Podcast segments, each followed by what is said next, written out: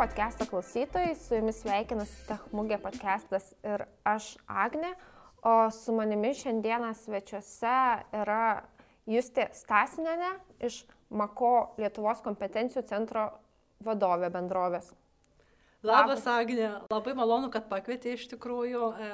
Šiandien taip smagu matyti tiek žmonių techmugė ir iš tikrųjų tikrai susibendravom ir apkalbėjom su žmonėm, kurie, kurie nori pradėti savo darbą IT sferoje, studentai, žmonės, kurie nori keisti savo karjeros sferą ir žmonės, kurie šiaip ieško darbo. Tai tikrai labai nuostabus renginys ir tikrai labai tikiuosi, kad ateityje mes jų turėsim dar tikrai ne vieną. A, tikrai taip, kiek, kiek žinau, renginys irgi išsiplėtė, tad e, nuo šiol bus du kartus per metus. Tai jau Puiku. kitą kartą susitiksime rudenį. Tikrai, tikrai dalyvausime. labai smagu. Aš norėčiau jūs tą tavęs paklausti visų pirma, tai kas yra Mako bendrovė, ką jinai veikia ir ką ten veikia IT žmonės. E, taip, tai Mako kompanija yra iš tikrųjų kilusi iš Niderlandų ir buvo įsteigta 1994-aisiais. Tai pakankamai, kaip sakant, dar senai ir tais laikais, žinok, IT nebuvo iš tikrųjų dar toks populiarus kaip, kaip šiom dienom. Ir tada kompanija plėtėsi ir atsiradome mes, Lietuva. Ir 2017 metais buvo įsteigtas ofisas Lietuvoje. Ir ką pats Mako daro, tai Mako yra technologijų kompanija ir mes siūlom technologinius sprendimus savo įvairiem klientam. Tai tarp mūsų klientų vardų yra tokios žinomos kompanijos kaip Heinekenas, Henkel.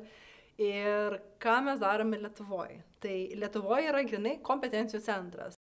Didžioji dalis mūsų darbuotojų e, tai yra įvairūs inžinieriai, developeriai, programuotojai, Ir mūsų šie žmonės dirba kartu su mūsų klientais iš Vokietijos ir iš Niderlandų. Tai pagrindė tai yra, tai ką mes turim Lietuvoje, pagrindė tai yra IT įvairios rolės.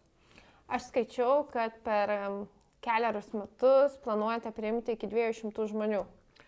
Taip, iš tikrųjų turim labai ambicingus planus ir viena iš priežasčių kodėl, todėl kad praeitais metais prie mūsų prisijungė taip pat e, nauja kompanija iš Vokietijos, Ir mes taip pat matome, kad ši rinka labai plečiasi, iš tikrųjų atsiranda daugiau klientų, kurie nori dirbti kartu su Mako.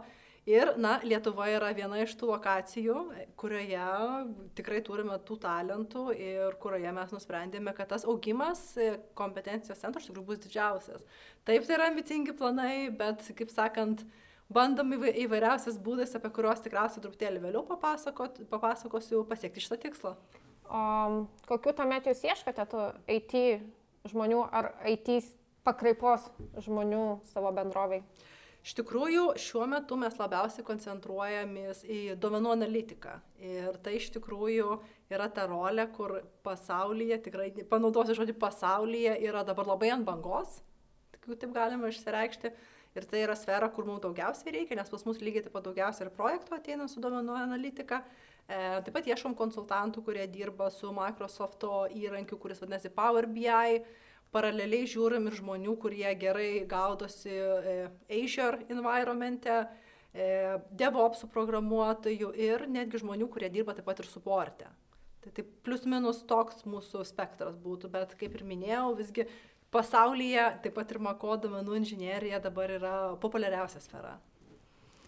Ir um, kaip jau minėjai, papasakos kiek vėliau, tai kokiais būdais ieškote tų žmonių? E, taip, iš tikrųjų, e, kadangi šie laikai, ypatingai pastarėjai porą metų, yra labai įtempti IT rinkoje ir ne tik Lietuvoje, tai mes iš tikrųjų jau kuriam įvairiausius e, sprendimus, inovatyvius, kaip iš tikrųjų susirasti tų žmonių, nes Lietuvoje tas, kaip sakoma, talentų E, pulas e, visgi yra ribotas ir ką mes iš tikrųjų pastebėjom, kad šiais laikais kompanijos vieni iš kitų dažniausiai persivilioja žmonės ir mes tiesiog supratom, kad e, mums reikia kurti talentus patiems. Pastarosius metus mes padarėm tris akademijas. Tai pirma akademija buvo praeitais metais Liepa ir tai buvo Power Apps akademija, iš kurios mes pasisandėm šešis žmogeliukus E, tada lapkritį turėjom Sitecore akademiją, platformą, kuri dar nėra labai žinoma Lietuvoje, bet manau tikrai irgi su laiku ateis.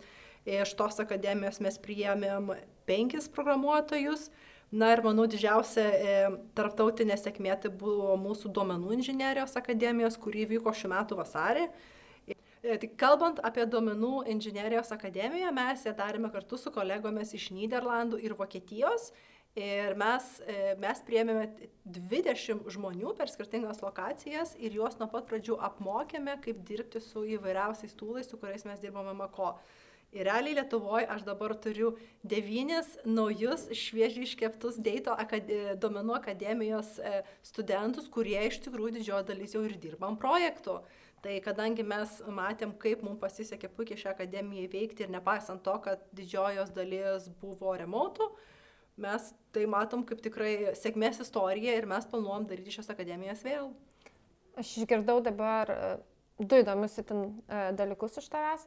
Tai visų pirma, kad beveik dešimt žmonių po akademijos liko dirbti pas jūs. Tai pirma klausimo dalis būtų, ar teisingai suprantu, kad jūs itin atvirai žiūrite į junior pozicijas, į persikvalifikavimą ir ieškote ne tik senior pozicijų žmonių. Tai čia viena klausimo dalis. Mhm. O antra e, klausimo dalis būtų, kaip juos išlaikote toliau.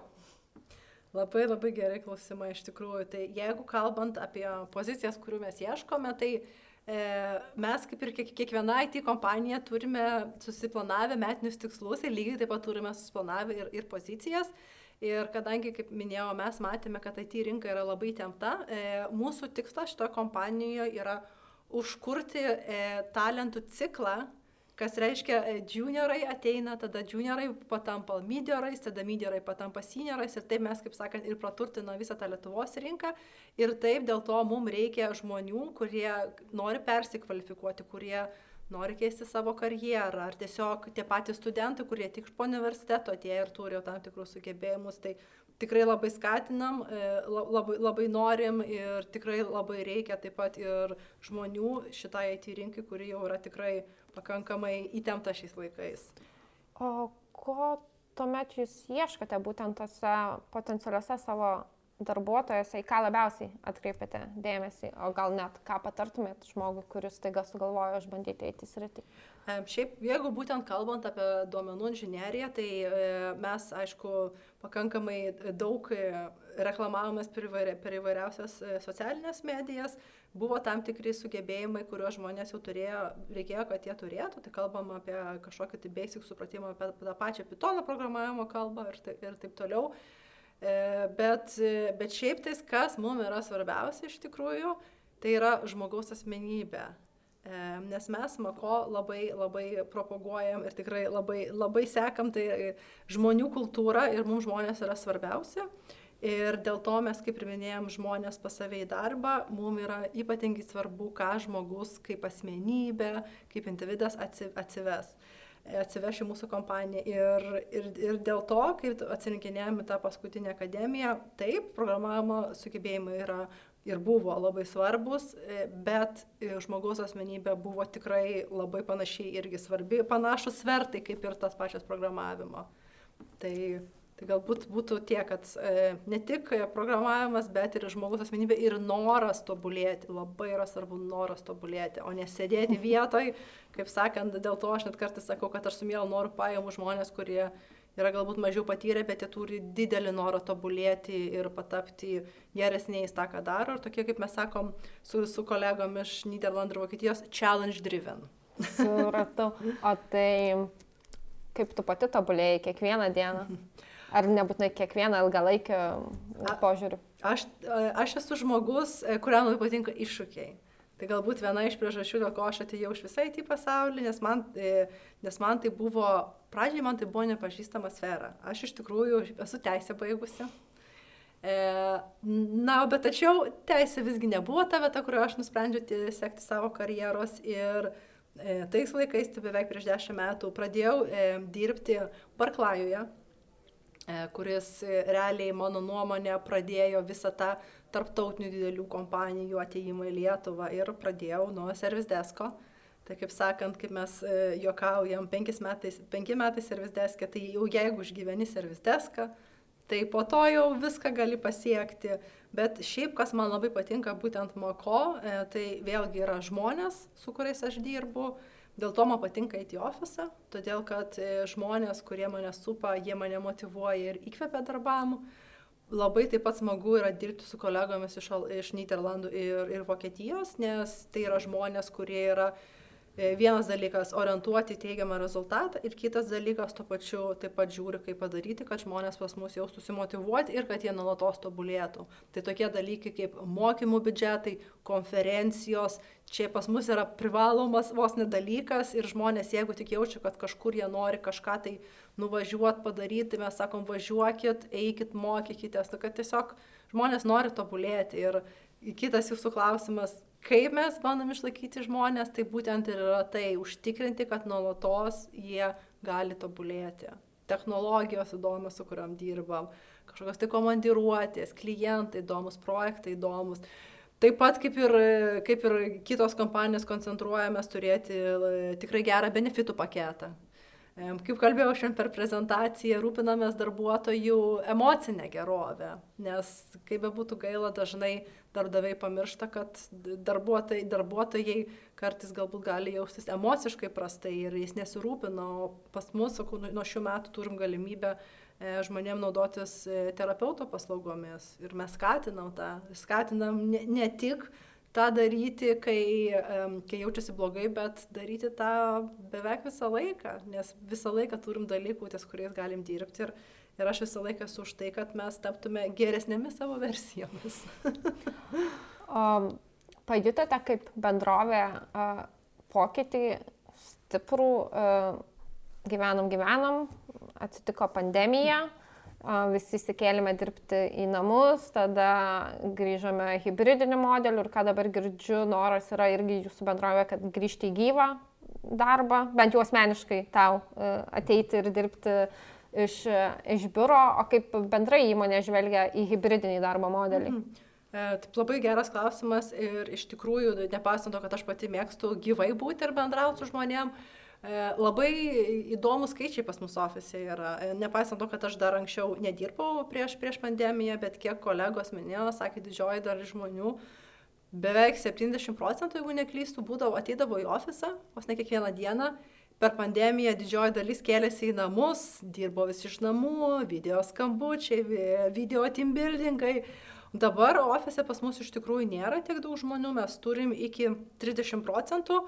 Ir ką mes e, Mako iš tikrųjų skatinam, e, tai yra, kad darbuotojas pats gali nuspręsti, kaip, iš kur ir kada jis gali dirbti. E, tai pavyzdžiui, kai, kaip ir minėjau, aš e, tikrai mėgstu ofisą atvažiuoti, bet neslėpsiu, mėgstu pamiegoti.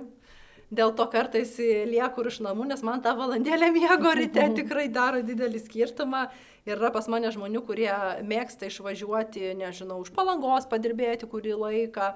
Tai jie tada pasidaro savo darbo grafiką taip, kad dienos metu gali nueiti valandų vien prie jūros, tada galbūt e, biški ilgėliau vakare padirba, tai realiai tas vadinamasis e, lankstus darbo grafikas, ar išvažiuoti iš užsienio padirbėti. Tai pas mus moko yra skatinama laisvė rinktis, iš kur tu nori dirbti. Link pabaigos mūsų pokalbio aš norėčiau paklausti tavęs, ko tu aš vat, esu Agne ir noriu dirbti IT rinkoje dabar. Taip. Bet niekada nedirbau joje. Taip. Ir nieko nežinau. Taip.